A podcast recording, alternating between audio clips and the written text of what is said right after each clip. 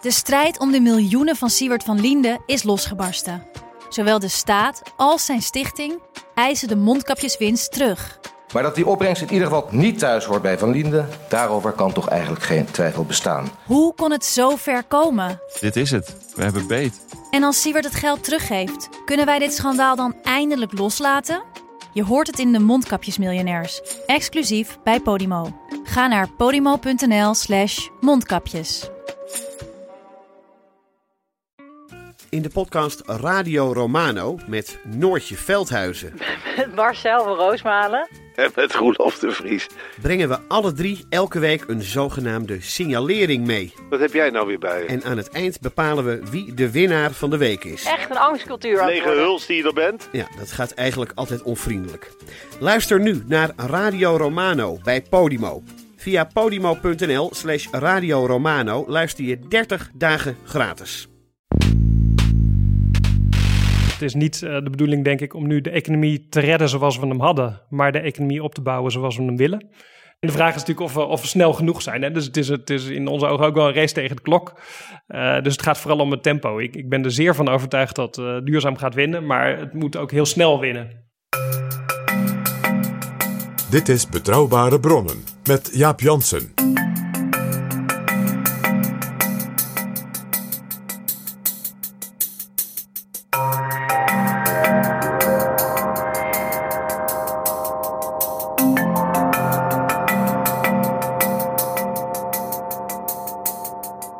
Hallo, welkom in Betrouwbare Bronnen, aflevering 199. hey, dat is bijna aflevering 200.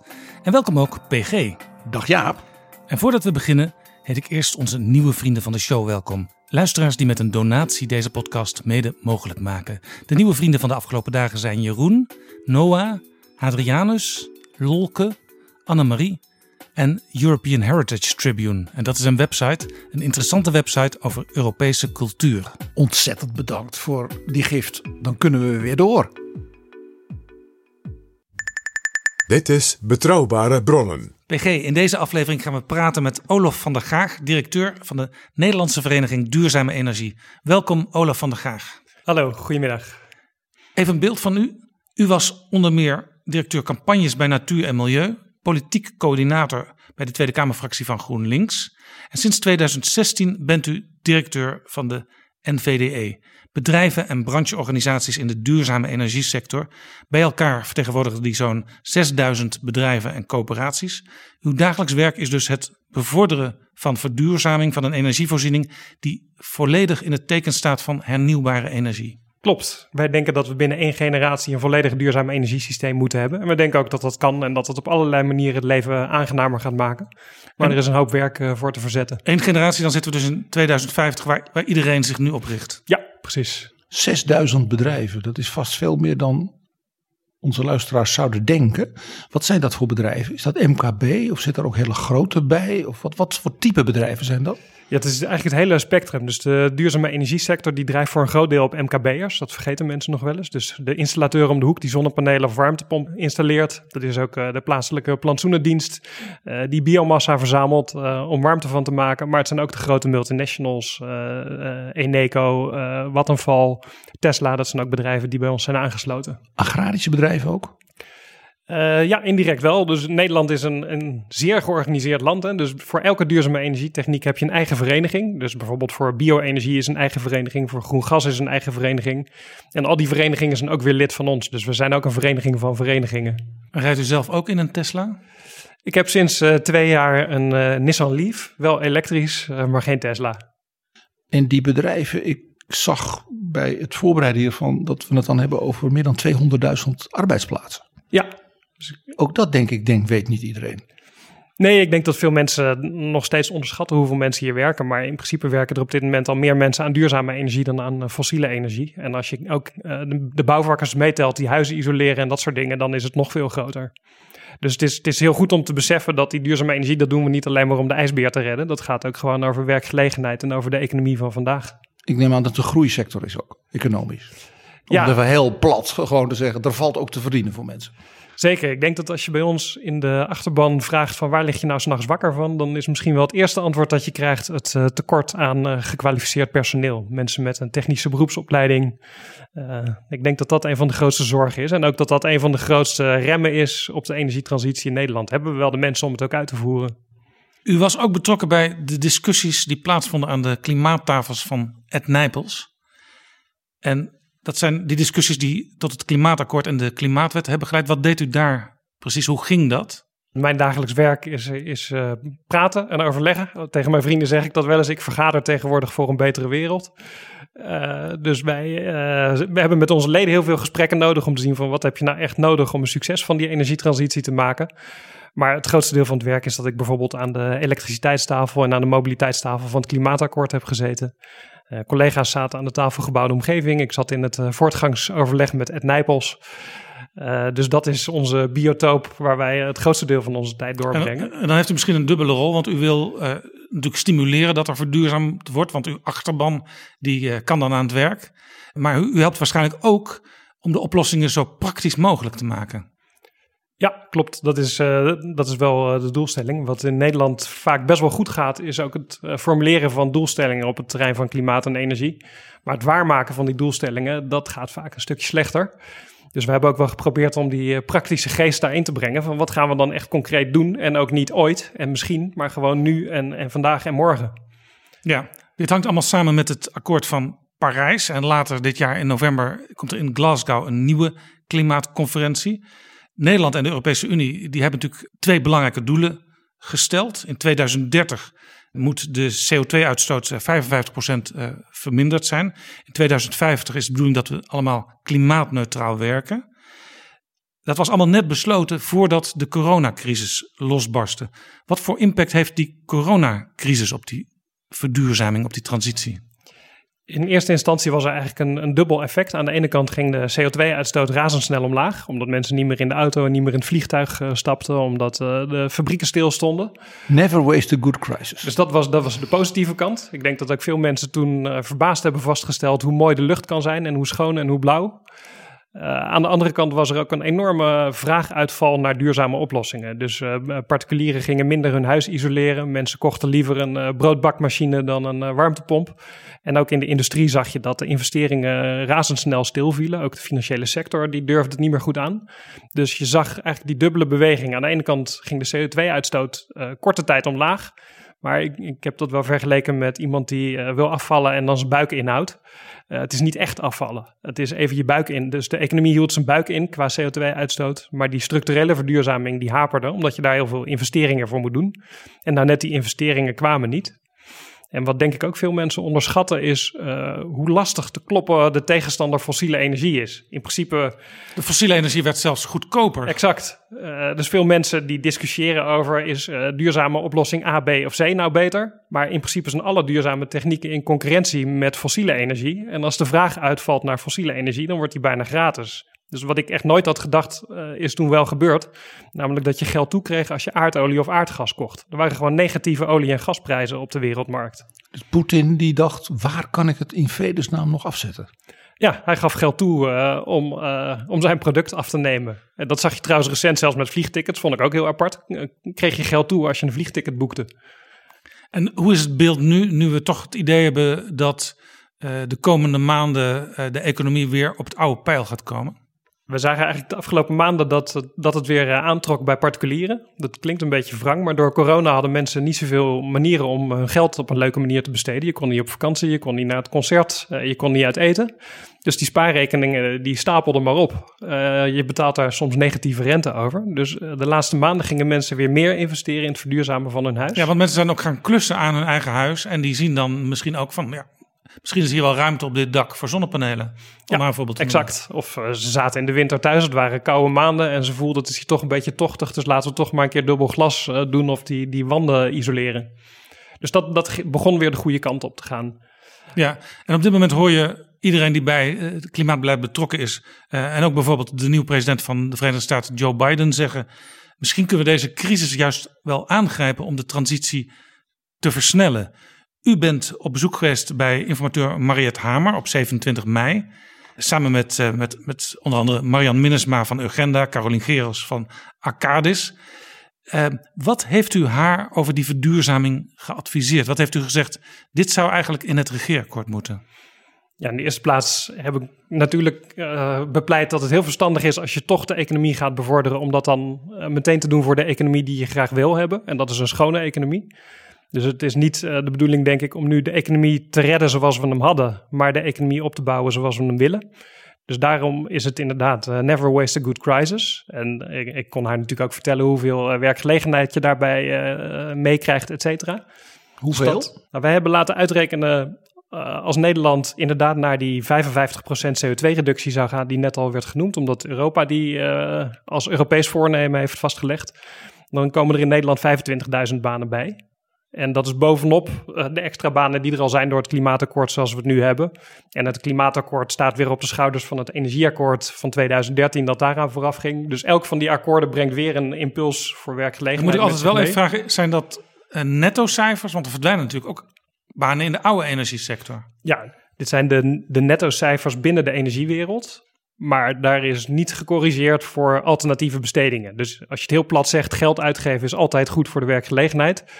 Dus dit is niet vergeleken met de vraag stel dat we nou, tien voetbalstadions in Nederland hadden gebouwd. Uh, want dan had je natuurlijk drie opera-gebouwen. Drie opera-gebouwen en vast nog een mooi museum. Uh, ja, het is de verschuiving binnen de energiesector. Het interessante is dat als dat nou zou lukken, dus dat die urgentie om dat tekort aan talenten, die dit ook nog kunnen, op te pakken, dan nog urgenter wordt. Ja, klopt. Dus je moet als het ware dan tegelijkertijd ook nog weer eens een human capital agenda voor energie ontwikkelen. Ja, in mijn ogen is er geen energietransitie denkbaar zonder een arbeidsmarkttransitie. En de focus daarvoor zit echt bij het beroepsonderwijs. Dus je ziet de afgelopen tien jaar wel dat de techniekstudies populairder zijn geworden. Dus voor de universiteit en de hogeschool zijn er best veel mensen die tegenwoordig techniek kiezen. Meer dan in de tijd dat ik ging studeren. Uh, ik denk dat het onder andere komt door de aantrekkingskracht van uh, bedrijven en producten zoals Apple en ook Tesla. Uh, in het MBO zie je dat veel minder. En uh, in het VMBO zie je zelfs dat uh, de uitstroom uit de technieksector terugloopt. Dus ik denk dat er met name echt een investering in dat technisch beroepsonderwijs nodig is. Ja. En ook de omscholing van mensen die in wat voor sector dan ook hun werk verliezen. Ik, ik hoor altijd Doekle Terpstra zeggen: Doe mij meer, doe mij meer. Want ik kan met mijn installateurs, hè, u noemde ze net al, eindeloos veel mensen aan het werk zetten. die heel praktisch hele leuke dingen kunnen doen. En tegelijkertijd dat levert voor de individuele huiseigenaren, maar ook voor de, nou ja, de, de, de VVE's en voor hele stadswijken zoveel op. Doe mij meer, doe mij meer. Dat vind ik heel ja. opvallend altijd. Ja, ja. klopt. Ja. Doekle Terpstra van Techniek Nederland. Ja, ja. precies. En in dat gesprek met Mariette Hamer was, was dit dus één punt. Hè? En, en dan eigenlijk uiteindelijk de meest belangrijke vraag is steeds... hoe zorg je nou dat die uh, duurzame investeringen er komen? En uh, uh, dat geldt voor mensen thuis. Uh, dat geldt voor agrariërs die hun bedrijf willen verbouwen. Het geldt voor staalbedrijven. Dus mijn, mijn belangrijkste advies uh, naast groen economisch herstel was: maak uh, de duurzame keuze consequent goedkoper dan de vervuilende keuze. Als er een regeerakkoord van één A4'tje komt, dan zou ik heel graag die zin terugzien. De duurzame keuze is voor alles en voor iedereen goedkoper dan de vervuilende keuze. En als je dat principe vastlegt en dan vervolgens natuurlijk ook concreet maakt en het waar maakt, dan gaat uh, de magische hand van de, van de markt heel veel werk uh, uit handen nemen van alle vergadertafels, et cetera, die er nu zijn. Vanuit het idee massa is kassa. Dus als ja. dingen veel afgenomen worden, dan worden ze ook goedkoper, dan worden ze betaalbaarder. Maar er moet dus nog even een zetje worden gegeven. Ja, ja, en we moeten ons dus ook beseffen dat we uh, concurreren met een fossiele energievoorziening die steeds goedkoper zal worden naarmate de vraag afneemt. En dat is het, de paradox voor de duurzame energietransitie. Wij zorgen ervoor dat de vraag naar fossiel afneemt. Hoe groter het succes van de verduurzaming, ja. hoe goedkoper de olie van ja, Poetin wordt. Ja, en hoe scherper dus de competitie. Fascinerend. Ja. De, de, de, ja, en, en ook dus hoe meer van die talenten we nodig hebben die we niet opleiden. Ook dat. Dus, ja. twee hele onverwachte soort dilemma's die je ja door succes exact. opbouwt. Ja, exact. Nou heeft, als het goed is, Mariette Hamer als informateur dit allemaal uh, geduldig opgeschreven. Dus dat, dat zullen we straks terug zien komen. Had zij ook vragen aan u? Ja, zeker. Uh, het is natuurlijk niet gepast om daar heel erg veel over te vertellen, maar misschien toch één of twee vraag dingen. Die u verraste? Nou, ik, ik, ik ken Mariette Hamer toevallig heel, heel lang, omdat ik zelf ooit in de studentenbeweging ben begonnen, net als zij. En uh, daar ken ik ook uh, PG nog van. Uh, de LSVB. Plezier, de LSVB. en Mariette Hamer kan in de eerste plaats ongelooflijk goed luisteren. En in de tweede plaats ongelooflijk goed vragen stellen. En, ook heel goed samenvatten. En ja, precies, heel goed samenvatten. En dat is een mooie anekdote die ik hoorde toen ik naar haar afscheid bij de Partij van de Arbeid ging, die Diederik Samson vertelde. Die, die vertelde iets over hoe onderhandelingen gingen als Mariette Hamer erbij zit. Zei hij, dan heb je daar allemaal van die politieke haantjes, die zitten te kleppen en te kleppen en te kleppen en elkaar te overtreffen en enorm te genieten van hun eigen welbespraaktheid. Mariette Hamer zegt, nagenoeg niks. En dan op een gegeven moment is iedereen helemaal moe geluld. En dan in de laatste drie minuten, dan zegt Mariette Hamer, zullen we anders dat en dat en dat gewoon gaan doen? Terwijl ze dat zegt, pakt ze haar tas alvast in en loopt naar de deur. En dan is iedereen een soort opgelucht of misschien ook wel geïntimideerd van laten we het zomaar doen. Dus dat ging door mijn hoofd toen ik daar zat. Want in die laatste drie minuten kwam zij nog even met een paar hele rake observaties en een, een paar hele goede vragen ook aan ons. En als ik in mijn eigen woorden zeg wat ik daaruit heb gehaald, uh, dan is het vooral heel belangrijk dat het voor politici hanteerbaar wordt gemaakt. Het klimaatprobleem is zo ongelooflijk groot dat politici al snel denken van nou, dit is zo complex, laten we maar even doorgaan naar iets anders. Uh, Mark Rutte die heeft dat een keertje ook letterlijk op een VVD-congres uh, gehad. Toen had hij een soort wedergeboorte als, als groene liberaal. En toen zei hij dat hij ook zelf in de ministerraad vaak dacht als het over klimaat ging, laten we maar weer snel naar de wachtlijsten in de verpleeghuizen gaan.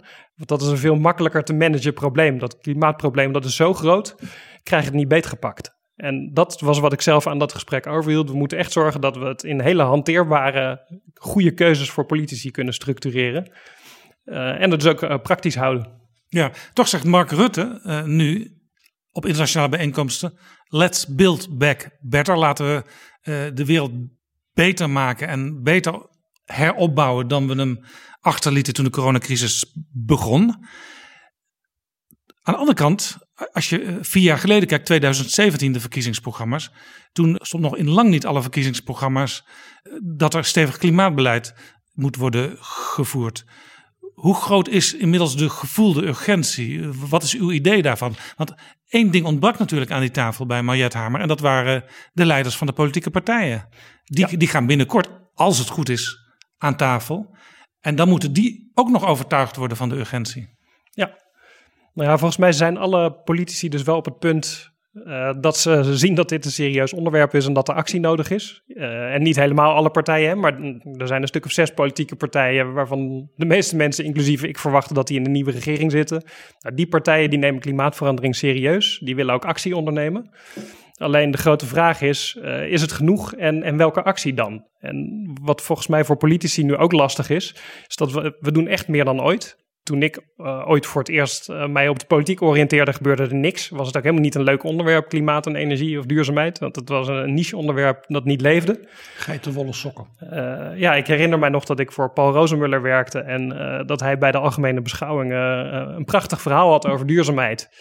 Uh, hij was toen de populairste politicus van Nederland. Niet alleen voor GroenLinks-kiezers, maar bij het algemene electoraat. En toen hij begon bij het hoofdstukje milieu en duurzaamheid... liepen Ad Melkert en Hans Dijkstal, et cetera, de zaal uit dat ze nou, nou dat gaan hoeren over uh, milieu, dat kan ook wel zonder ons. Nou, dat is nu echt ondenkbaar. Dus het is nu bij alle politieke partijen een serieus onderwerp geworden. Alleen, uh, we moeten wel twee keer zoveel doen als wat we nu doen. En, en die bereidheid, nou, die moet nog uh, her en der een beetje groeien. Ja, en, het, en, en sommige partijen die beperken zich nog in hun programma's tot... laten we het akkoord van Parijs uitvoeren. Dan weet je nog steeds niet hoe dat in de praktijk vorm moet krijgen en hoeveel gedoe dat nog uh, zal kosten in allerlei discussies over hoe je het aanpakt. Ja, daarom is het ook best makkelijk om in het buitenland een, een roerend verhaal te vertellen over het belang van de aanpak van klimaatverandering. Maar uiteindelijk heb je actie nodig. En heel veel mensen onderschatten gewoon hoeveel er nodig is. Wij hebben een tijdje geleden een onderzoek gedaan bij het grote publiek met de vraag hoeveel procent van onze energie komt van de zon, denkt u? Gemiddeld zeggen mensen dat het zo'n 20 procent is. Uh, de werkelijkheid, iedereen zit nu hopelijk te denken van wat zou het eigenlijk zijn. Het werk, de werkelijkheid is 1% van de totale energie in Nederland komt ja, van de zon. Dus, dus, dus, dus zoals het in Nederland nu gaat, in de toekomst moet dat natuurlijk veel meer worden, dat percentage. Ja, maar, maar mensen denken dat we al verder zijn dan we in werkelijkheid zijn. Ja, precies. Dus er zijn ook mensen, ook, ik zag bijvoorbeeld uh, Ruud Kornstra, die was ook uh, aangesloten bij een, een, nieuwe politieke beweging. En hij is echt een voorvechter van uh, verduurzaming. Ja, hij ik herinner me Ruud Kornstra als iemand die bijvoorbeeld in het recente verleden allerlei slimme lampjes propageerde. Ja. Ja, precies. Maar hij zei nu bijvoorbeeld ook die grootschalige duurzame energieopwekking moeten we maar niet meer doen. We moeten gewoon zorgen dat elke burger tien panelen op zijn dak heeft liggen. Nou vind ik dat laatste een fantastisch idee. Maar het is zo ver verwijderd van wat we nodig hebben. Dat, uh, om, om een beeld te geven, ongeveer een vijfde van de energie in Nederland is elektriciteit. Dus het grootste deel van onze energie gaat over warmte en transport. Heel belangrijk punt. Men denkt bij energie aan stroom. Men denkt altijd aan stroom. Uh, dat is kennelijk de, de charismatische bron van energie. Hè? De zonnepanelen en de windmolens. Die zie je ook in de kranten en op tv altijd als het over energie gaat. De werkelijkheid is dus dat is 20% van de totale energie. Dus, dus 80% is iets anders. Dus 80% is iets anders. En van die energievraag in Nederland zit ongeveer 20% bij de huishoudens.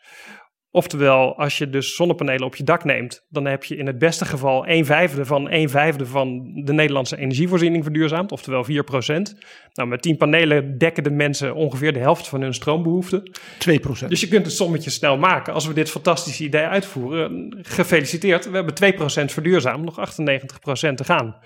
Dus dit soort reality checks, die hebben we wel echt nodig in deze formatieperiode. Ja, toch nog even die politiek, die dus uit eerst eigenlijk negeren, toen traagheid en inmiddels uh, ja, toch omarmen van de realiteit van wat er nodig is. Maar dan is volgens de vraag, hoe ga je, hoe ga je dat invullen en kun je het daar met z'n allen over eens worden?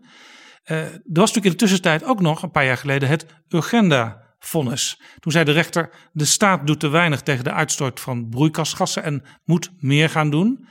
Was u daar blij mee? Ik had er hele gemengde gevoelens bij.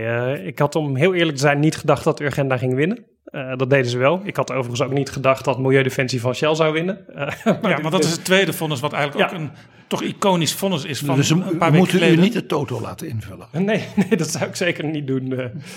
Shell kreeg eigenlijk een, een, een, een opdracht als bedrijf om de CO2-uitstoot eind 2030 terug te brengen tot netto 45% van het niveau van 2019. Dat is echt een enorme opdracht. Het is ongelooflijk radicaal. Dus die van, van Urgenda, die had ik nog iets meer verwacht dan die van Shell, omdat daar een land wordt aangesproken en wij zijn als Nederland gebonden aan allerlei internationale akkoorden. En, ja, eigenlijk zei de rechter gewoon: doe wat u al heeft afgesproken. Ja, we houden u aan uw eigen woord. En wat ook heel interessant van die uitspraak is, is dat ze het koppelen aan uh, mensenrechten. Dus ook als ik kijk, wereldwijd worden er nu klimaatzaken gevoerd. Laatst is er nog in Australië eentje weer gewonnen.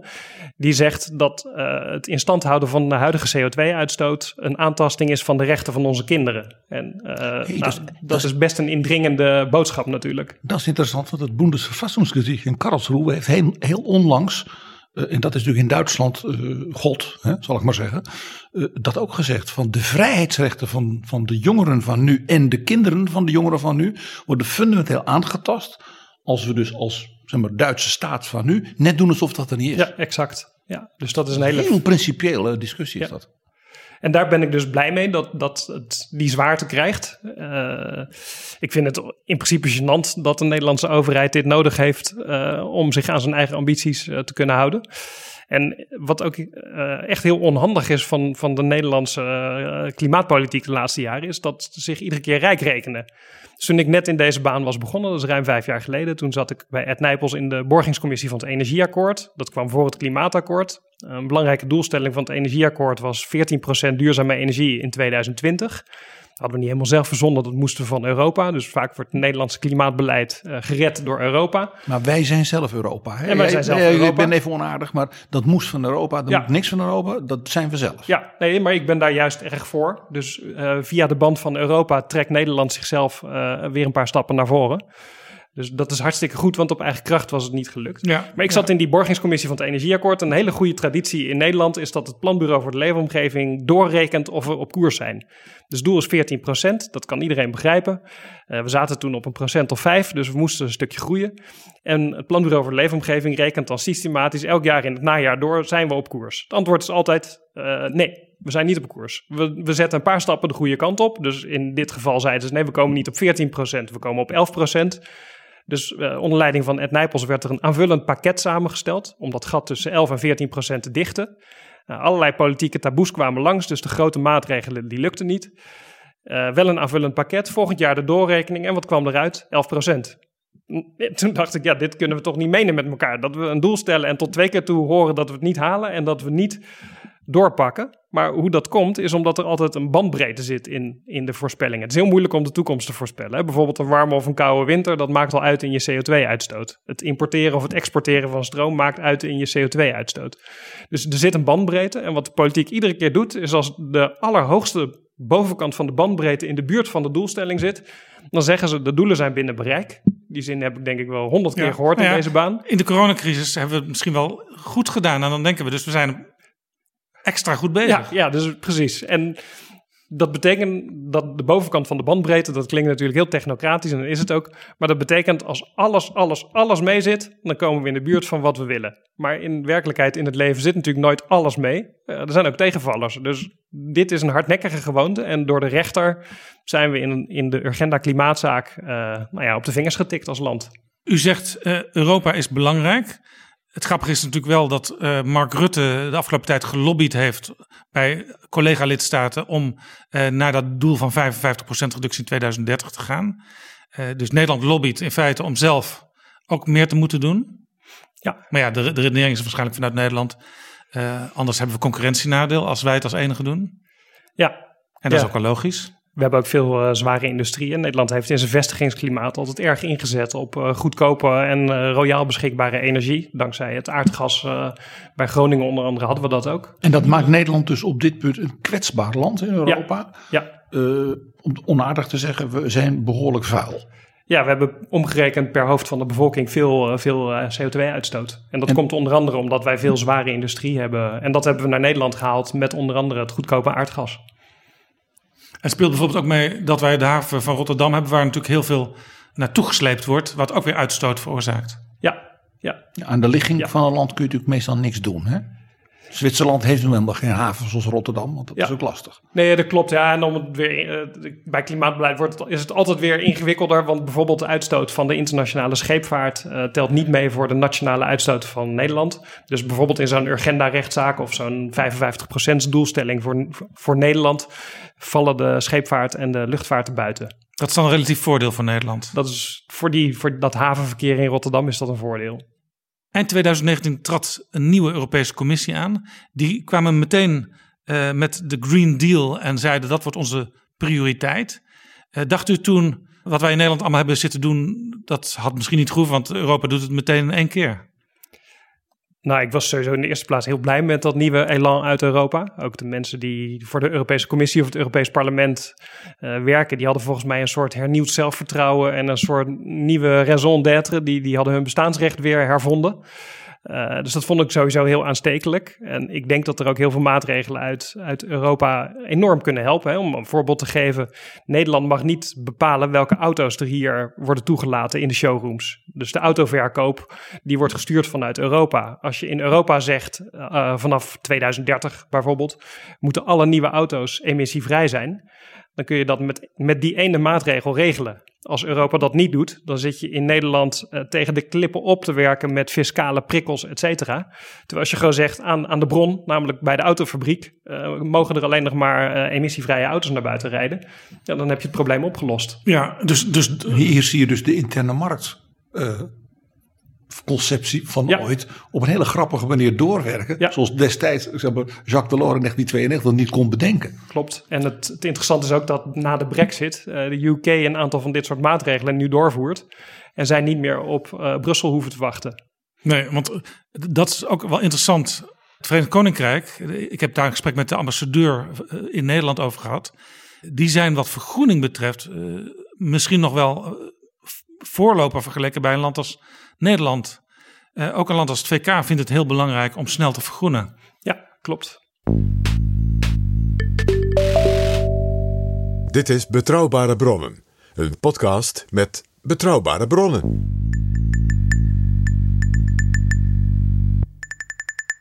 U zegt eh, het is handig als Europa iets besluit, want dan moet bijvoorbeeld, denk ik dan, de Duitse auto-industrie in één keer heel veel veranderen. En tegelijkertijd hou je het speelveld gelijk in Europa. Eh, als je nou kijkt naar hoe verschillende landen de vergroening en de verduurzaming invullen en de energietransitie. Eh, in Nederland houden we op met gas. In Duitsland gaan ze juist extra gas gebruiken. Is dat niet vreemd? Eh, dat klinkt misschien vreemd, maar dat is erg logisch. Eh, het gaat er eigenlijk om, altijd om de vraag van wat vervangt het? En in Duitsland... eh, Ja, want we spreken over een transitie, dus het is Ja. een overgang. Precies, het is, het is een, eh, het is een overgang en die kan ook in stappen gaan. Wat komt er in de plaats van wat? Ja, in die dat tussenfase? is een cruciale vraag. Ik heb ooit eh, antropologie gestudeerd en wat ik een mooi Afrikaans gezegde vond was dat een eh, gazelle niet sneller hoeft te zijn dan de cheetah. Eh, de gazelle moet sneller zijn dan de langzaamste gazelle. En de vraag is dus steeds, wat is de langzaamste gazelle? En in het geval van de Duitse energievoorziening is het zo dat mensen hun huis nog verwarmen met stookolie, bijvoorbeeld. En bruinkool. En met bruinkoolcentrales, met steenkoolcentrales. Dus als je bruinkool, steenkool, stookolie vervangt door aardgas, dat scheelt minstens de helft van je CO2-uitstoot. Als we in Nederland het over aardgas hebben tegenwoordig, dan gaat het vaak over onze verwarming thuis. En 96% van de CO2-uitstoot van onze huizen, eh, die komt uit onze eigen schoorsteen, namelijk via de cv-ketel. Dus als we in de gebouwde omgeving in Nederland de CO2-uitstoot omlaag willen brengen, dan moeten we van dat aardgas af. En dan is dus de vraag van wat komt daarvoor in de plaats? En dat, dat iets, dat moet dan duurzamer zijn dan aardgas. En dat zou dus bijvoorbeeld nooit stookolie moeten zijn, uiteraard. Wij, wij kunnen dan niet verstandig die bruinkool uit Duitsland gebruiken ter vervanging van ons aardgas. nee, dan, eh, dan verdrievoudig denk ik zelfs de CO2-uitstoot. Nou, nou waren de Duitsers natuurlijk wel een aantal jaar geleden nog bezig met kernenergie. Daar hebben ze in één keer, zoals de Vlamingen zeggen, komaf meegemaakt. Daar zijn ze mee gestopt. Toch zijn er ook in Nederland mensen die zeggen, ja, we moeten ook serieus naar kernenergie kijken. Bijvoorbeeld de, de nieuwe partij in de Tweede Kamer, Volt, eh, die zegt kernenergie kan een alternatief zijn. Is dat zo? Ja, het kan zeker, denk ik, een alternatief zijn. Sowieso die internationale samenwerking. Ik zie het voor een deel ook als een eh, peloton wielrenners. En net als in een peloton wielrenners rijdt er eh, af en toe iemand op kop. En als je op kop werkt, eh, rijdt, dan, dan is het harder werken. Dus op een gegeven moment ben je moe, dan laat je weer zakken naar de staart. En dan doet iemand anders het kopwerk. Dus zo kan soms ook een, een land in zijn eentje de boel op gang trekken. En Duitsland heeft bijvoorbeeld een enorm volume voor zonne-energie en windenergie gemaakt. En eigenlijk elke eigenaar van zonnepanelen in Nederland die zou een bloemetje mogen sturen naar onze oosterburen. Want onze eigen zonnepanelen zijn een stuk goedkoper geworden doordat Duitsland heeft gezorgd dat er heel veel vraag ontstond. Dus zo trekken landen soms in hun eentje even uh, voorop en helpen daarmee alle andere landen. Wanneer doet Nederland zoiets? Nou, Nederland heeft bijvoorbeeld met windenergie op zee een fantastische prestatie geleverd. Dus ook toen we het net over hadden, hè, van hoe zorg je nou dat er aan die klimaattafels concrete afspraken komen die ook praktisch werken. Een van de paradepaardjes van de Nederlandse energietransitie, dat is wind op zee. Uh, wij hebben misschien wel de beste zee ter wereld voor windenergie. Hij is namelijk niet zo diep, dus dat is makkelijk bouwen. En, het waait er hard, dus je krijgt ook veel energie van, van één En de wind ligt zelden stil. En de wind ligt ook zelden stil. Dus die Nederland is hier goed voor gepositioneerd. Wij hebben ook een, een offshore-industrie van heb ik jou daar. Hè? Als er ergens een, een, uh, een vrachtschip moet worden losgetrokken in het Suezkanaal, dan is het Boskalis uit Nederland dat dat doet. De Hollanders weten er ook altijd weer aan te verdienen. Holland weet het aan te verdienen. Dat, ja. En dat is volgens mij hartstikke goed. Uh, dus dit, dit kunnen wij. En in het energieakkoord is afgesproken van wat is nou echt cruciaal om te zorgen dat die wind op zee ontwikkeling in Nederland snel gaat. Want bij de verkiezingen toen zei Mark Rutte nog windmolens, uh, die draaien niet op de wind, die draaien op subsidie. Als je naar de euro's kijkt, had hij nog gelijk ook. Hè? Hij kreeg daar veel verontwaardiging uit de duurzame hoek voor. Maar in alle eerlijkheid had hij wel een punt. Uh, die windenergie op zee die is 70% goedkoper geworden. Doordat we in Nederland dat heel erg slim hebben georganiseerd. Uh, er is een landelijke netbeheerder, Tennet. Die kan als geen ander zorgen dat er een stopcontact op zee wordt gebouwd. Want een windpark moet natuurlijk zijn stroom wel naar het land kunnen brengen.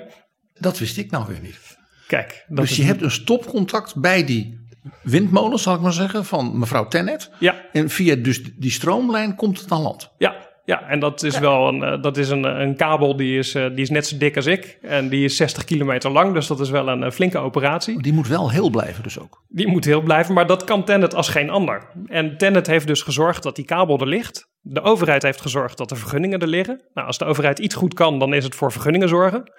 Uh, vroeger was het zo dat een individueel bedrijf zijn eigen vergunning bij elkaar moest halen. En dan moest elk bedrijf afzonderlijk uitknobbelen wat de effecten voor de grijze mantelmeel en weet ik veel wat allemaal zijn.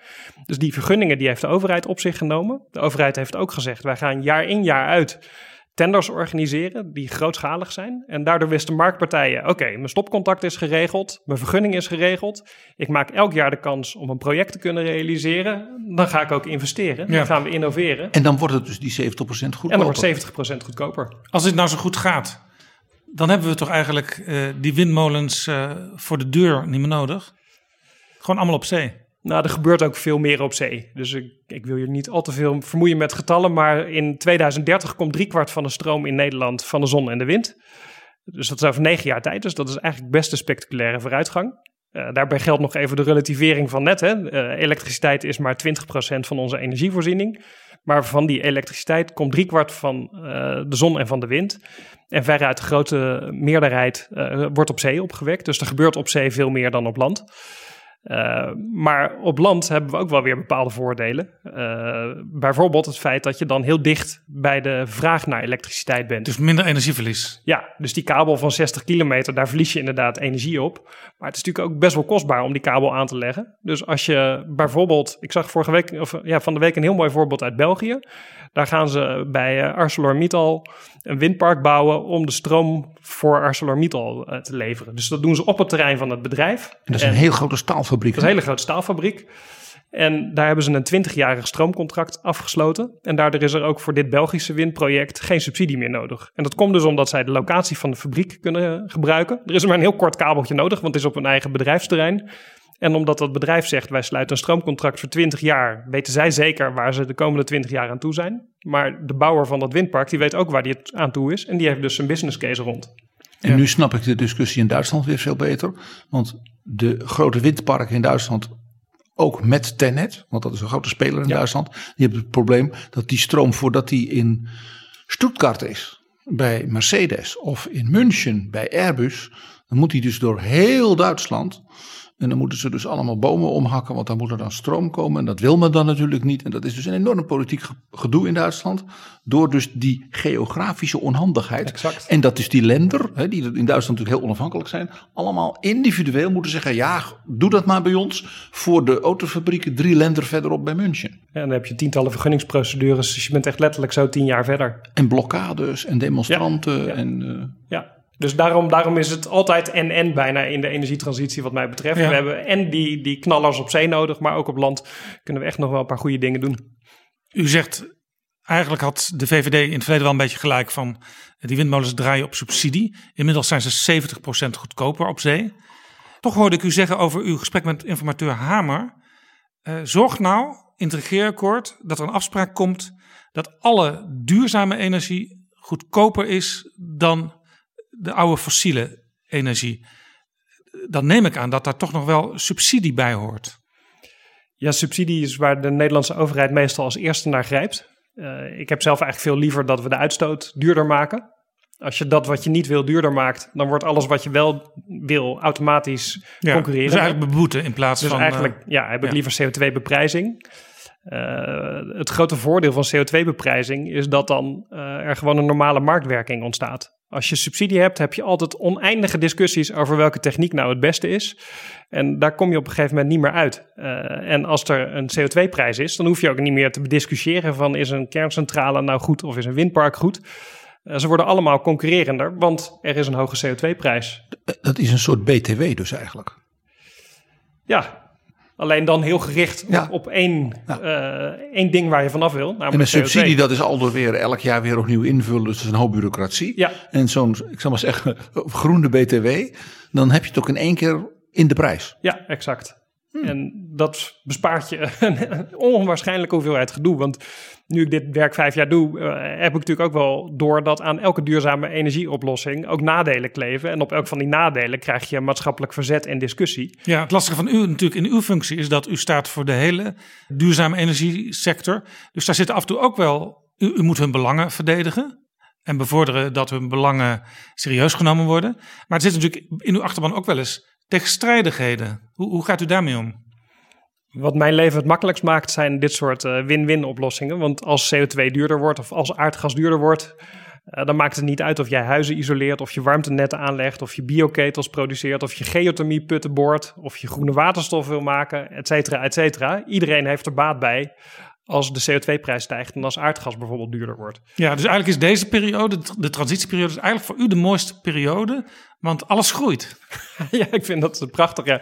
Ik was een tijdje geleden in het debat bij Jort Kelder. Die zei, eh, u heeft maar 11% van de energiemarkt achter u staan. Dus ja, ja, precies. Ik ben de enige sector met een groeiperspectief van een factor 9. Dus dat kan niet mooier. Eh, Wij winnen altijd. Geweldig. Alleen de vraag is natuurlijk of we, of we snel genoeg zijn. Hè? Dus het is, het is in onze ogen ook wel een race tegen de klok.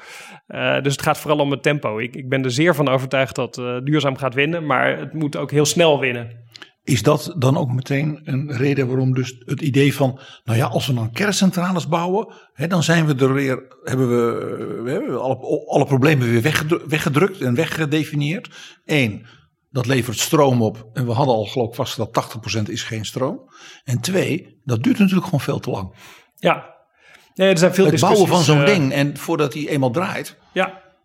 Nee, ik vind het zelf echt eh, hartstikke logisch om het over kerncentrales te hebben. Ik vind ook volkomen terecht dat mensen zeggen daar moet geen eh, taboe op zijn. Dus aan die elektriciteitstafel waar ik zat, daar is het gewoon ook over kerncentrales gegaan. Zitten er in uw achterban ook potentiële kernenergieproducenten? Ja, zeker. Ster- sterker nog, er zitten ook eh, gewoon bedrijven die nu kerncentrales exploiteren.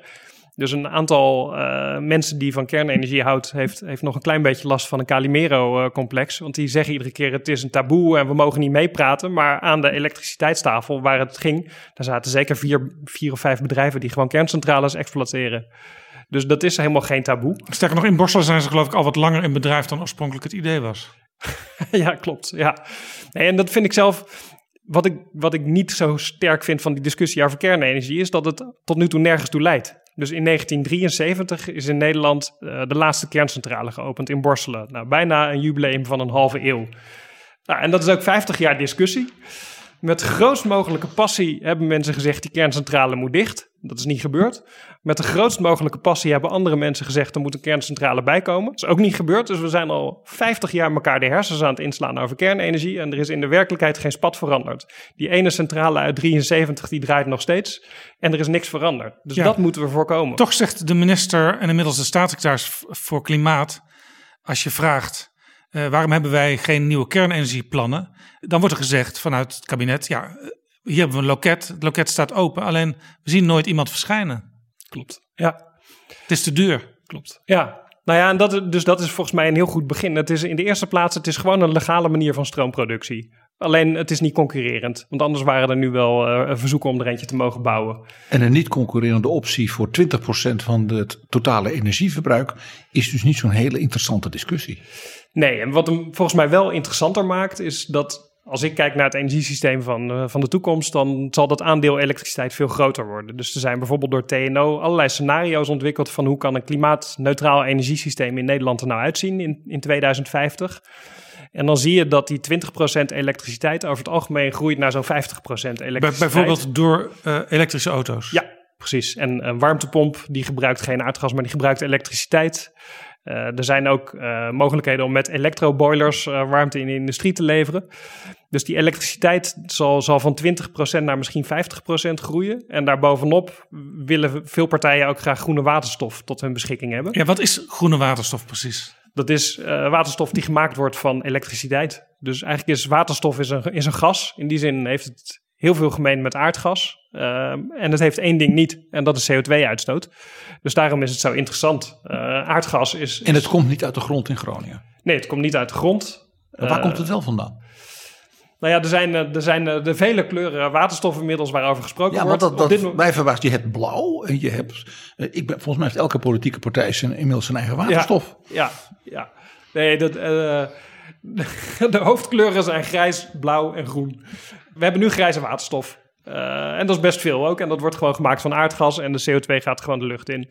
En dat aardgas halen we over het algemeen niet meer uit Groningen. Dat halen we nu eh, bij Vladimir Poetin. Eh, dat halen we voor een groot deel Ja. uit Rusland. Dat is dus niet de optie voor de toekomst. Dat is niet de optie voor de toekomst. Daar is iedereen het over eens. Een stap vooruit is blauwe waterstof. Dan trek je eigenlijk de CO2 uit het aardgas, stopt het onder de grond. En het restproduct is dan emissieloos. Dat, is CO2-vrij, want die CO2 die heb je eruit gehaald en die zit onder de grond. Dat is op korte termijn waarschijnlijk goedkoper dan groene waterstof. Groene waterstof wordt gemaakt van elektriciteit. Dus bijvoorbeeld als we nog een aantal windparken op zee erbij gaan bouwen, eh, dan kun je daar groene waterstof van maken. Dat is op de korte termijn dus, dus duurder. Maar naarmate die eh, windenergie en die zonne-energie goedkoper worden, dan zal groene waterstof steeds goedkoper Ja, gaan worden. en waar halen we nu in de nabije toekomst de bulk van de warmte vandaan? Ja, dat is, dat is misschien wel de belangrijkste vraag die er is. Eh, ik vertelde net al dat over negen jaar driekwart van onze elektriciteit duurzaam is, dus van de zon en de wind komt. De verwachting is dat, eh, dat zo'n 15% van de warmte in 2030 duurzaam is. En eh, dat komt dan onder andere van bio-energie. eh, waar veel discussie over is. Dus de politiek heeft de neiging om dat nu de kop in te drukken. Dat is biomassa. Biomassa, ja. Van houtige biomassa, zoals Ja, ze het vaak noemen. Ja, ja, ja. dus dat zijn eh, de, bijvoorbeeld eh, de snoeiresten van, eh, eh, van Staatsbosbeheer. Daar kun je eh, warmtenetten op maken. Ik woon zelf in Utrecht. Ik heb thuis stadsverwarming. Een deel van die warmte wordt geleverd door een nieuwe biomassacentrale die, eh, die anderhalf jaar geleden geopend is. U noemt nu de snoeiresten van Staatsbosbeheer. Is, is er voldoende van die grondstof om zoveel warmte te kunnen produceren?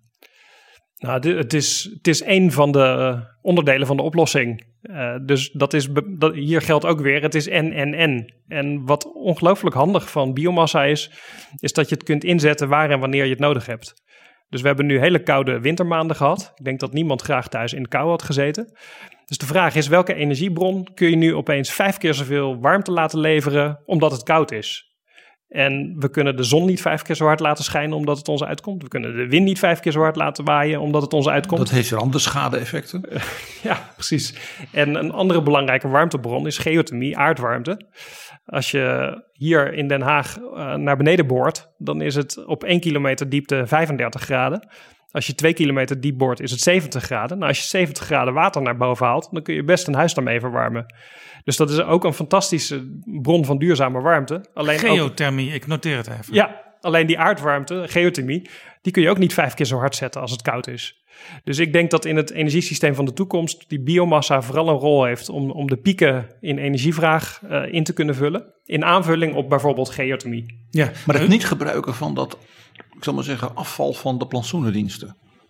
Dat is dus een enorme verspilling vanuit energieoogpunt gezien. Het is ontzettend stom. Ja, het is, in de eerste plaats gaat het dan gewoon naar Duitsland. Eh, dus het is ook niet zo dat het dan niet voor energie gebruikt wordt eh, op de korte termijn, want het Want heeft dan is, gewoon dan is het biomassa Deutsch.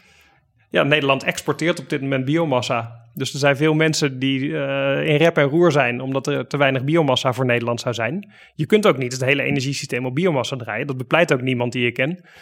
Maar op dit moment is Nederland een exporteur van biomassa. Dus er is best, best wat biomassa beschikbaar. En het stomme is inderdaad, als, als je doet wat sommige criticasters van biomassa willen, als je het gewoon in het bos laat liggen, dan komt de CO2 alsnog in de atmosfeer. Ja, ik hoor u zeggen, we hebben biomassa nodig als één van de eh, vormen van energie. En eh, het, het voordeel van biomassa is dat je het altijd ter beschikking hebt. Ik hoor ook zeggen dat het ook in de toekomst een energievorm is die nodig blijft. Misschien niet in enorme mate, maar wel enigszins. Eh, toch zie je in de politieke discussie in het land en vooral ook natuurlijk op het Binnenhof dat er twijfels eh, reizen over biomassa. Eh, er is zelfs afgesproken nu om voorlopig geen nieuwe subsidies af te geven voor biomassa. Ik neem aan dat u daar niet blij mee bent. Maar hoe verklaart u die twijfels die zijn ontstaan in de politiek? ik merk zelf bij biomassa dat er heel veel verschillende discussies aan gekoppeld zijn. Dus een van die discussies is de vraag van heeft het überhaupt zin voor het klimaat? Want als je biomassa in de brand steekt, komt er inderdaad uitstoot vrij. Eh, alleen het, de crux van biomassa is, die CO2 die dan vrijkomt, die is eerder opgenomen door de natuur, door bomen en planten die groeien. En als je dus zorgt dat die bomen en die planten weer teruggroeien, dan neemt de atmosfeer het weer op. Dus dan neutraliseert eigenlijk het probleem zich. Ja, precies. Dus dat, dat vergeten veel mensen. Het is niet zo dat eh, bomen en planten die CO2 wegtoveren en dat die dan voor altijd verdwenen is. Die CO2 die zit gewoon nog in die bomen en planten. En vroeg of laat gaat de boom of de plant dood of valt er een tak of een blaadje af. En dan komt die CO2 gewoon weer terug in de atmosfeer. Dus dat principe van hoe werkt überhaupt de natuur, dat zijn sommige mensen een beetje kwijtgeraakt de afgelopen jaren. Dat is interessant, want de, mij valt op dat de, de bestrijders van biomassa op eh, de beide zeg maar, uitersten van de flanken eh, dat doen vanuit een soort natuurverering. Waarvan je denkt, die weten dus precies hoe dat werkt. Maar dat blijkt dus niet zo te zijn. Nee, ik zie dat eh, echt anders. En ook eh, vele gespecialiseerde wetenschappers die zien dat anders. Het Planbureau voor de Leefomgeving zegt ook... eh, dit is hoe het werkt en het, het heeft echt een, een nuttige functie in ons energie. Maar goed, het zijn niet alleen de flanken waar PG naar verwijst. Het zijn nu bijvoorbeeld ook gewoon de vier partijen die nu nog in het kabinet zitten. Die hebben gezegd, we maken even pas op de plaats. Hoe, hoe komt dat? Nou ja, dit, dit, dus dit was een van de discussies. Een andere ging over lokale luchtkwaliteit. Hè. Daar gaat ook wel eens, daar moeten we ook eerlijk over zijn. Er gaat ook echt wel eens wat mis met vergunningen die worden verleend. En installaties die toch een hoop uh, troep veroorzaken in de omgeving. Dus dat is een andere zorg. Van wat doet dit bijvoorbeeld voor mensen met longklachten? Dat ja, is ook dat is gewoon het beeld zorg. van rokende schoorstenen. Ja, die rokende schoorsteen. Uh, ja. Dus er, er kleven heel veel van dat soort uh, discussies aan. En volgens mij zit er ook onder uh, dat mensen onderschatten hoeveel dingen we tegelijkertijd nodig hebben. Dus daarom, eigenlijk, ik ben eigenlijk dubbel bezorgd over deze discussie. In de eerste plaats omdat ik denk dat we die bio-energie echt heel hard nodig hebben. Maar in de tweede plaats ben ik bezorgd omdat ik denk dit fenomeen gaan we met elke oplossing uh, tegenkomen. Het is echt niet zo dat uh, geothermie alleen maar schattig is. Je moet dan warmte naar boven halen van twee kilometer onder de grond. Ja, dat is niet alleen maar lief en schattig. En ik denk dat heel veel. Het is ook gewoon duur. Er zit ook een, een kostenkant aan. Hè? Die, uh, geothermie is op dit moment een stuk duurder dan biomassa. Dus uh, TNO heeft ook uitgerekend, als je nu stopt met biomassa en je wilt toch je doelen voor het klimaatakkoord halen, kost je dat 2,7 miljard euro extra. Nou, alsjeblieft, ik, ik zie graag de politieke partij die nog een cheque van 2,7 miljard uitschrijft. Een btw-verhoging op uh, groente en fruit of zo, want dat is ook biomassa. ja, precies. Ja, nee, dus, dus die kosten, dat is zeker een belangrijke factor. Uh, maar de andere kant is ook dat uh, elke duurzame energieoplossing heeft gewoon nadelen. En ik denk dat sommige mensen gewoon een te romantisch beeld hebben gehad van hoe leuk en hoe gezellig die energietransitie gaat zijn. Ik ben een keer op de radio geweest, toen dacht ik, nu gaat er volgens mij een keertje niemand boos op me worden. Ik ga het over woningisolatie hebben. Uh, tussen, bij huizen die tussen de jaren 30 en de jaren 70 zijn gebouwd, zit er een spouwmuur. Dat zijn twee muurtjes naast elkaar en die is leeg. Dus daar kiert de warmte zo naar buiten. Dan heb je het dus over, zeg maar, de massa-volkshuisvesting van de woningbouwrevolutie van na de oorlog. Exact. Hier wonen miljoenen mensen in dit soort huizen. Dat zijn gewoon uh, de gemiddelde. Dit is waar de hardwerkende Nederlander woont. Die heeft vaak een niet geïsoleerde spouwmuur, waardoor de warmte zo naar buiten gaat. Dat is echt uiterst makkelijk op te lossen, want je kunt er gewoon vulmateriaal in spuiten. Steenbol bijvoorbeeld. En dan trek je als het ware je huis een warme trui aan. En net als een warme trui voor mensen zorgt hij dat het minder koud is in de winter. Dus ik dacht, nou, hier kan werkelijk niemand op tegen zijn. Het is niet eens duur, het verdient zich in drie, vier jaar terug. Maar binnen vijf minuten had ik uh, de Zoogdierenvereniging Nederland op de lijn. Want heel soms zit er in zo'n spouwmuur een vleermuizennest. Dus als je die spouwmuur volblaast, dan blaas je ook het vleermuizennest vol.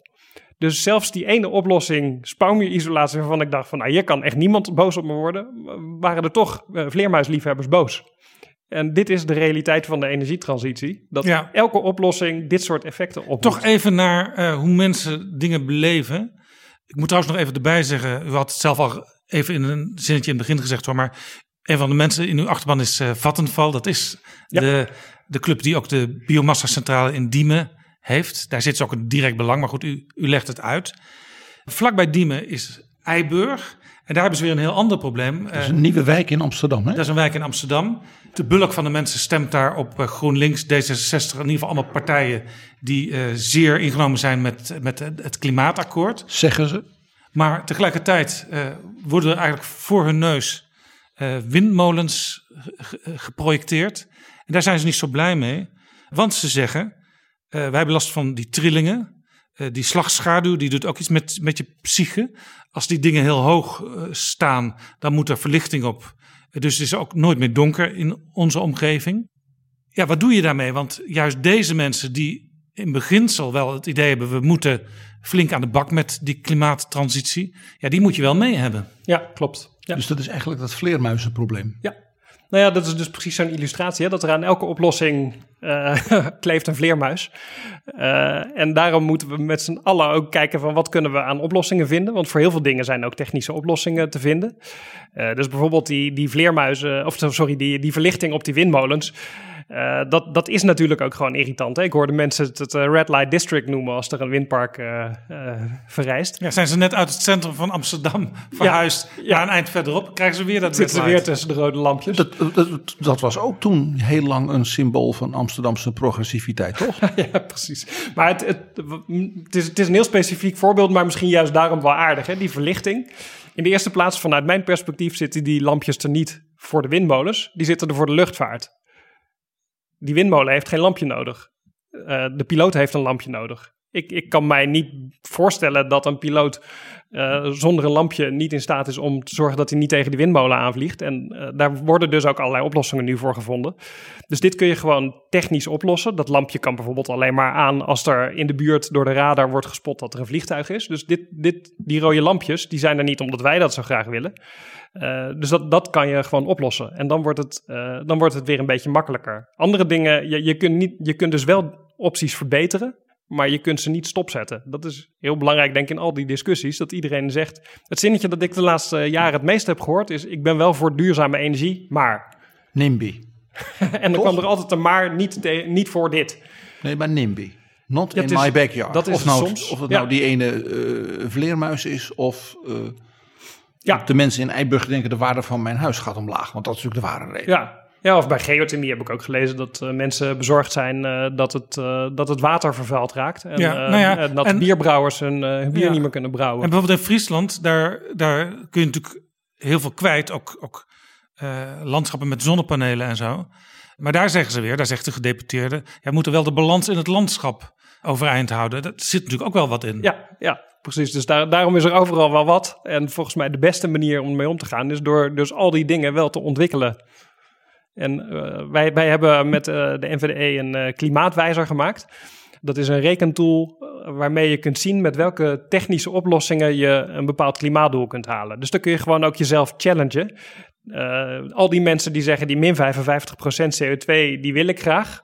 Die kunnen zien wat je letterlijk nodig hebt aan windenergie, aan elektrische auto's, aan woningisolatie, om daar ook te komen. Test uw eigen NIMBY. Ja, en daar, dat zal voor veel mensen een onaangename confrontatie met de, met de realiteit zijn. Ja, ja, ik heb mijn eigen ecologische footprint flink omlaag gebracht door geen papieren kranten meer te lezen. Want ik las er altijd uh, zeven en die lees ik eigenlijk nog steeds, maar nu lees ik ze gewoon op mijn, uh, op mijn schermpje. Via biomassastroom dus. Maar aan de andere kant, ik woon in een, een oud Amsterdamse huis. Ja, daar vraag me af wat ik kan doen. Want bijvoorbeeld, mijn dak is voor een deel dakterras, dus daar kunnen eigenlijk geen uh, zonnepanelen op.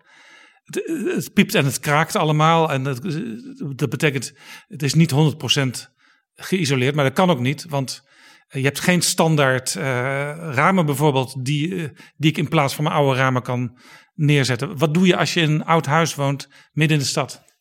Er worden nu door veel gemeenten plannen gemaakt voor hoe kun je aan duurzame warmte komen in alle verschillende wijken. En een van de beste oplossingen voor, voor oudere wijken, dat is uh, stadsverwarming. Want als je, als je zorgt dat je water van uh, 70 graden via een buis je huis invoert, dan is dat uh, in de meeste gevallen goed genoeg om te zorgen dat het comfortabel en warm is. Ja, maar ik heb bijvoorbeeld geen ruimte voor een enorme zonneboiler. Nee, nee maar dat is, dat is dus het mooie van stadsverwarming. Dat, uh, dat is dan ook niet nodig. En dat moet je dus eigenlijk per wijk moet je ja. dat af gaan spreken. Ja, ja. Mij fascineert natuurlijk als historicus dat we het in de 19e eeuw dus allemaal hebben opgebouwd.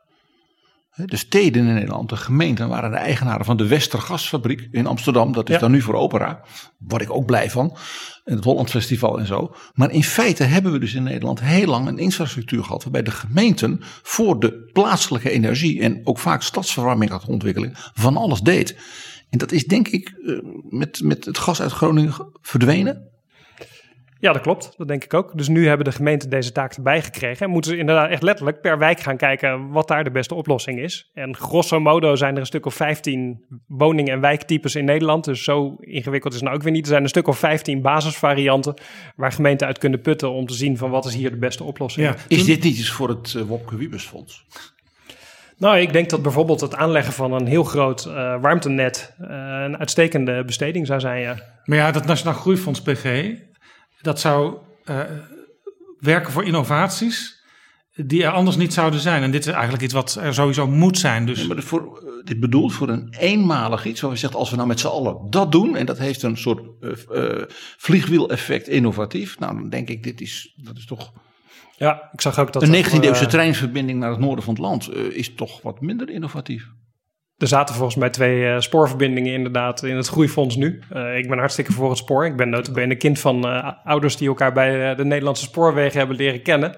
Hoe, hoe, hoe zou je tegen durven dus zijn? Daar, daar, kan ik niet tegen zijn. Maar ik denk dat een warmtenet ook een hele, een hele goede besteding zou kunnen zijn. Ja, en het is inderdaad ook grappig, dat zeker denk ik voor een historicus.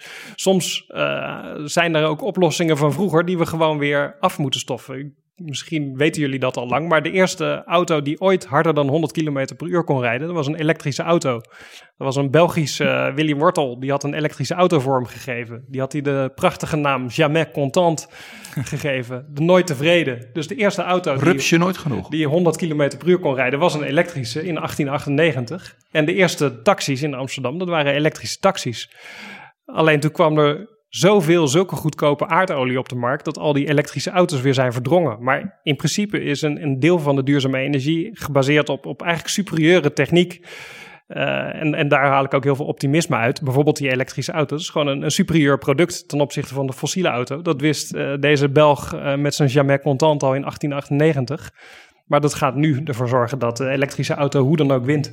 Ja. Olof, wat heerlijk, want uh, jij hebt mij hiermee natuurlijk voor nog vele afleveringen Betrouwbare Bronnen een geweldige legitimatie gegeven om Jaap weer te plagen in de luisteraars met verhalen over de 19e eeuw als de echte eeuw van de globalisering en de technologische vernieuwing ten opzichte van de 20e. Ja, dit is daar een mooi voorbeeld van. PG, wij verheugen ons erop. Dit is Betrouwbare Bronnen. Zijn naam viel net al even, Erik Wiebes. Die was natuurlijk minister geworden op een bepaald moment, minister van Klimaat. En zijn moeder volgde hem en die werd een beetje verontrust, want zij belde hem op een gegeven moment: Erik, wat moet ik doen? Moet ik van het gas af? Moet ik een water, waterpomp laten installeren? En toen zei Erik tegen zijn moeder: Wacht rustig af, want er komen plannen op lokaal niveau. Maar dat is dus ook eigenlijk zo, want u, u, u zegt dat net. Dat geldt eigenlijk ook voor mij. Ik kan natuurlijk zelf kleine initiatieven al nemen. Maar als ik denk, ja, hoe moet dat nou? Is best wel lastig. Dan kan ik gewoon ook wachten op mijn gemeente of mijn deelgemeente. Want die komen op een gegeven moment toch met voorstellen. Ja, sowieso komt de gemeente met voorstellen. Het hangt heel erg van de woning af. Er zijn ook echt allerlei ingrepen. Bijvoorbeeld die spouwmuurisolatie die ik net noemde... of een hybride warmtepomp zijn voor heel veel mensen nu gewoon al goede oplossingen. Uh, overigens heb ik ook dit soort ervaring met mijn moeder. Ik had een keertje op de radio gezegd dat er een eind kwam aan de cv-ketel. Toen belde mijn moeder uh, me op. Uh, nou jongen, we hebben er snel nog eentje besteld. Voordat hij niet meer te krijgen Voordat is. hij niet meer te krijgen is. dus dit soort reacties van moeders Het is ook zo Hollands, hè, dit soort dingen. Ja. Maar in principe moeten mensen zich ook niet gek laten maken. En ik denk ook wel dat in uh, alle discussies over het klimaat we ook moeten realiseren... die CO2-uitstoot van de gebouwde omgeving, die is ook best wel bescheiden. Als je ziet wat één bedrijf als Tata Steel uitstoot... Nou, daar kun je echt zoveel megatonnen CO2 besparen... Uh, met één pennenstreek van de CEO van Tata Steel. En als je nagaat dat de, twaalf grootste bedrijven in Nederland met, qua CO2-uitstoot, die doen driekwart van de uitstoot van de hele industrie samen. En dat is veel meer dan de gebouwde omgeving. Daar wie, wie dus, zijn dat? Dat zijn uh, Tata Steel, dat, zijn, dat is Shell bijvoorbeeld. Uh, Pernis? Pernis, ja, precies. Daar heb je eigenlijk 12 CEO's die een handtekening moeten zetten. In de gebouwde omgeving heb je 8 miljoen CEO's die een handtekening moeten zetten. Waaronder moeder? Ja, waaronder uh, uh, al onze moeders en, en, buurvrouwen en et cetera. Even een heel andere vraag. Want heel veel energie is tegenwoordig nodig voor datacenters. Er worden overal grote datacenters neergezet. Nou beseffen we allemaal dat we ja, niet zonder data kunnen, want dat is, eigenlijk, dat, dat is eigenlijk pas echt onze grondstof tegenwoordig. Maar bitcoins, een nieuwe muntsoort, heeft ook heel veel energie nodig om te kunnen functioneren. Moet u dan eigenlijk niet gewoon zeggen, net als sommige anderen doen, ik pleit voor het afschaffen van dat bitcoin-idee, want dat is gewoon niet goed voor het energiegebruik. Ja, het is een enorme energieslurper. Uh, en uh, in principe die datacenters, ik vind dat wel mooi dat mensen op Twitter zich dan opwinden over het stroomverbruik van datacenters. Ja, mensen kunnen twitteren dankzij diezelfde datacenters. Uh, dus ja, ik, ik moet beginnen met ophouden met twitteren.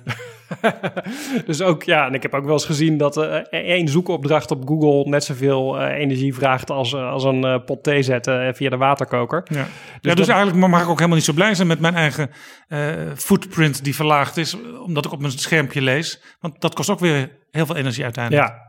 Ik ben zelf eigenlijk over die datacenters niet verschrikkelijk bezorgd. die worden in de eerste plaats steeds efficiënter in hun energieverbruik.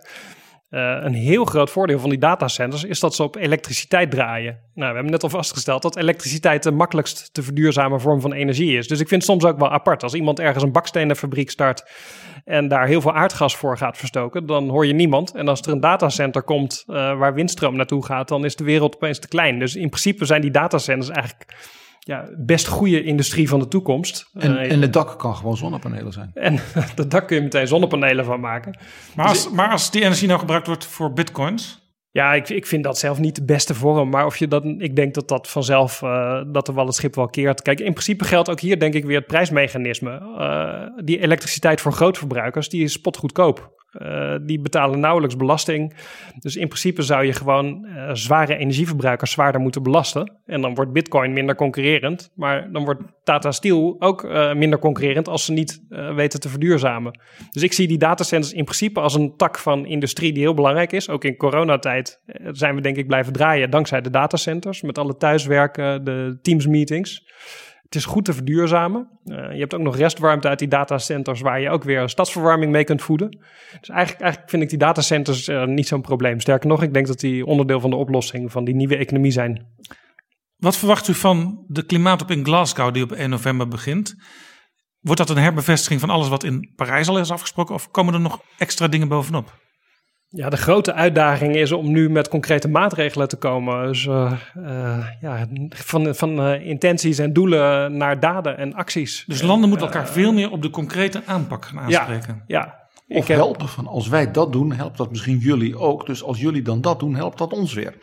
Ja, slimme samenwerking. Hè? Dus bijvoorbeeld, het, een van de ingewikkelde dingen bij windenergie is dat die wind niet altijd waait als het ons uitkomt. Uh, maar waar je heel veel winst mee kunt boeken, is als je een, een ring van uh, windparken op zee aanlegt met andere Noordzeelanden. Want als het in Denemarken waait en bij ons wat minder, dan kun je op een hele efficiënte manier die windenergie weer beter verdelen. Dus op dat praktische niveau kunnen landen elkaar ongelooflijk helpen. En dit geldt ook voor zonnepaneelvelden? Ja, zeker. Dat, uh, nou ja, bijvoorbeeld in, in Zuid-Spanje is natuurlijk een fantastische omgeving voor, uh, voor zonne-energie. Dus zo kunnen Europese landen elkaar heel erg helpen. Maar wat misschien wel het belangrijkste is, wat je op Europees niveau kunt doen en op nationaal niveau niet, is dat je voor de grote industrie zorgt dat die verduurzaming concurrerend wordt. En een van de lastigste dingen van een CO2-heffing is altijd uh, dat het uh, je eigen industrie treft. En dat zij dan vragen: ja, maar als het in andere landen niet gebeurt, dan kost het mij mijn concurrentiepositie, terwijl het, het klimaat niks oplevert. Dat is waar het altijd op vastloopt als je een goede vorm van CO2-beprijzing wil invoeren. En daarom dus dat. dat spannende initiatief van John Kerry met Peter Altmaier voor die Eco-NATO. Prachtig Duits begrip. En dus hier een CO2 beprijzings-NATO. Dat is de grote industrienaties zeggen, dan doen we met z'n allen. Zodat we niet dan een soort vingerwijzer krijgen. Uh, en daarmee geef je dus eigenlijk iedereen een soort level playing field. En je werkt aan die CO2-reductie. Ja. Ik vind dat een geweldig idee. Dat, in principe die CO2-beprijzing, als je die voor de hele wereld doet, is het het beste. Maar in de energietransitie heb je heel vaak dat het betere de vijand van de goede EU is. en de Verenigde Staten en ja. Canada, want dat is dan of die, als die met z'n drieën het zouden doen, dan is dan, hè, daardoor was toen dat bijvoorbeeld Australië doet dan ook meteen mee. En ja, dan, dan, ja, dan kan China met Poetin nog een beetje sputteren. Maar dan. Ja, nee, maar dit is, en dit zit ook al, de basis zit al in de plannen van de Europese Commissie. Onze eigen Frans Timmermans die pleit al voor wat hij een, een, een CO2-grensheffing noemt. Uh, KBAM heet het, uh, Carbon Border Adjustment Mechanism. Ja, daar heeft uh, Diederik in Betrouwbare Bronnen over verteld. Ja. De, de afkortingenkampioenen in Brussel, die hebben ook gouden tijden. ja, zeker. Maar dat is eigenlijk vanuit Europa het dichtst bij de ideale werkelijkheid wat je kunt doen. Dat betekent dat je binnen Europa CO2 veel duurder kunt maken en dat je aan de grens afrekent voor import. En dan kan dus zo'n Duitse minister als Altmaier dan tegen Kerry zeggen: ja, dat is dan de grens tussen ons. Als we die grens tussen ons nou opheffen ja. door een soort alliantie van die twee. Dan zijn we onverslaanbaar. Ja. Dat was ongeveer hun idee. Ja, en met Trump kon je dat gesprek natuurlijk niet hebben, maar met de nieuwe Maar die zei dat dat niet waar was. Ja, die dacht dat het door de Chinezen was uitgevonden, klimaatverandering. Om meer zonnepanelen te verkopen. Er treedt straks een nieuw kabinet aan, laten we tenminste hopen. U heeft de agenda eigenlijk al klaargelegd voor dat kabinet op het terrein van duurzame energie. Heeft u nog een tip voor de minister die daar straks elke dag mee bezig moet gaan? Nou, mijn belangrijkste tip naast wat we allemaal al besproken hebben, is zorg dat je geen uh, minister van nederlagen wordt. Dat het lijkt me zo treurig als je vol enthousiasme minister van Klimaat en Energie wordt en dan in oktober, zoals elk jaar, weer van het PBL te horen krijgt dat je niet op koers bent om je doelen te halen.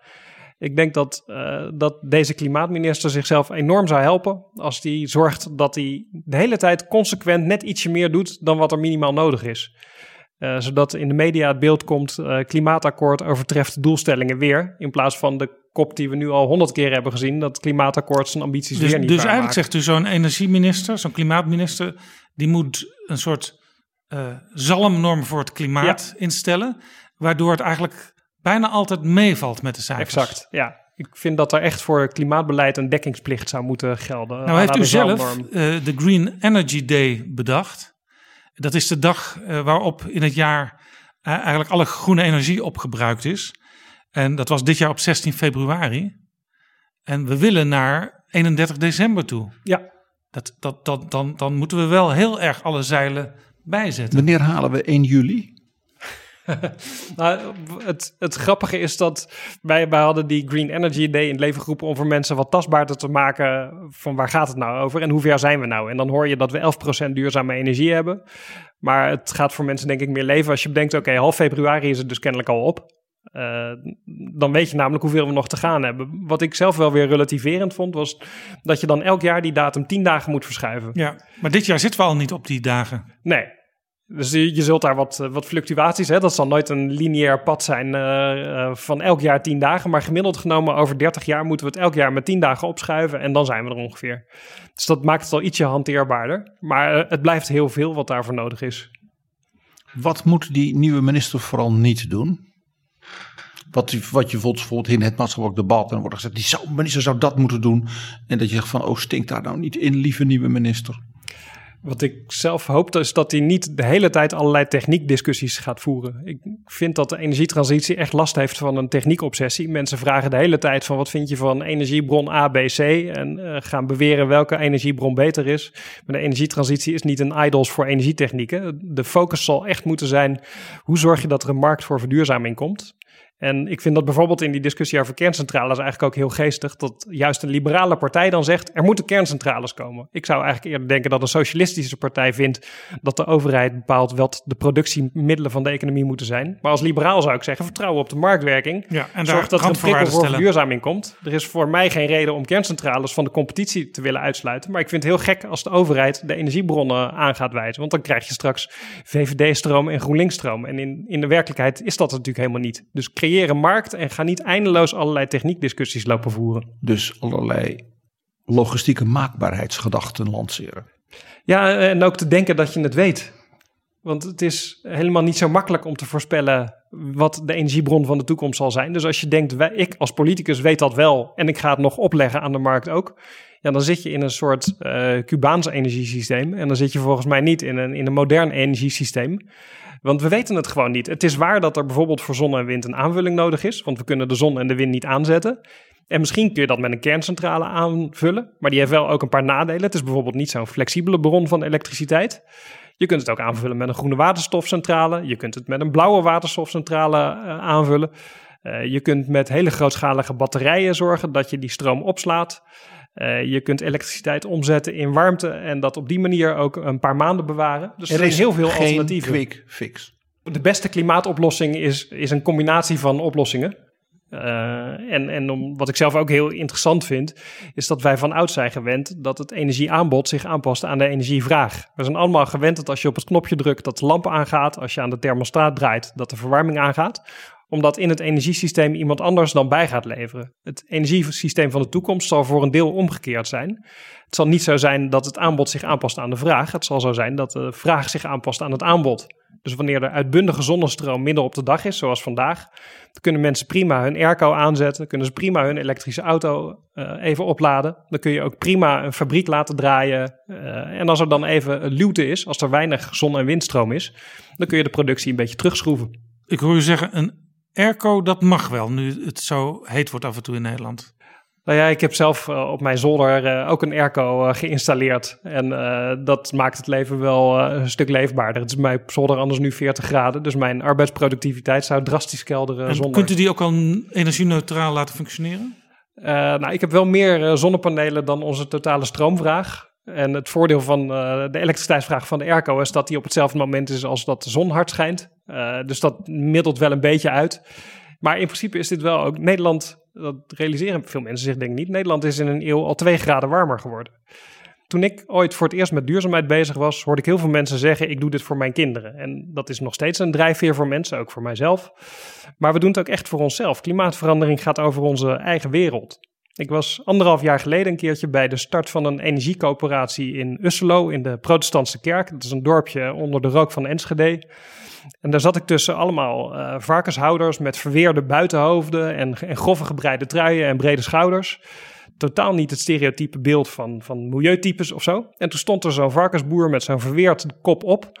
En die zei: Ik heb altijd een hekel gehad aan de milieubeweging omdat ze met allemaal regeltjes voor mij komen. Maar deze zomer gingen mijn varkens dood, want het was meer dan 40 graden en daar kunnen die varkens niet tegen. En toen dacht ik, we moeten toch op een andere manier aan onze energie zien te komen, want die klimaatverandering die deugt niet, die moeten we bestrijden. Dus hij werd toen lid van het bestuur van de energiecoöperatie in Usselo. En stak zijn tijd en ook zijn geld in bijvoorbeeld zonnepanelen op de stallen van andere boerderijen in de omgeving. Dus dat is waar voor mij klimaatverandering over gaat. Het is gewoon nu in ons eigen leven al relevant. Nederland is al twee graden warmer. En we zullen dus ook moeten zorgen dat onze steden, maar ook bijvoorbeeld onze landbouwers, zich kunnen aanpassen aan die nieuwe werkelijkheid. En biggen en vleermuizen. We hebben het zelfs nog over dieren gehad, hè? Olaf van der Graag, hartelijk dank voor dit gesprek. Dank jullie wel.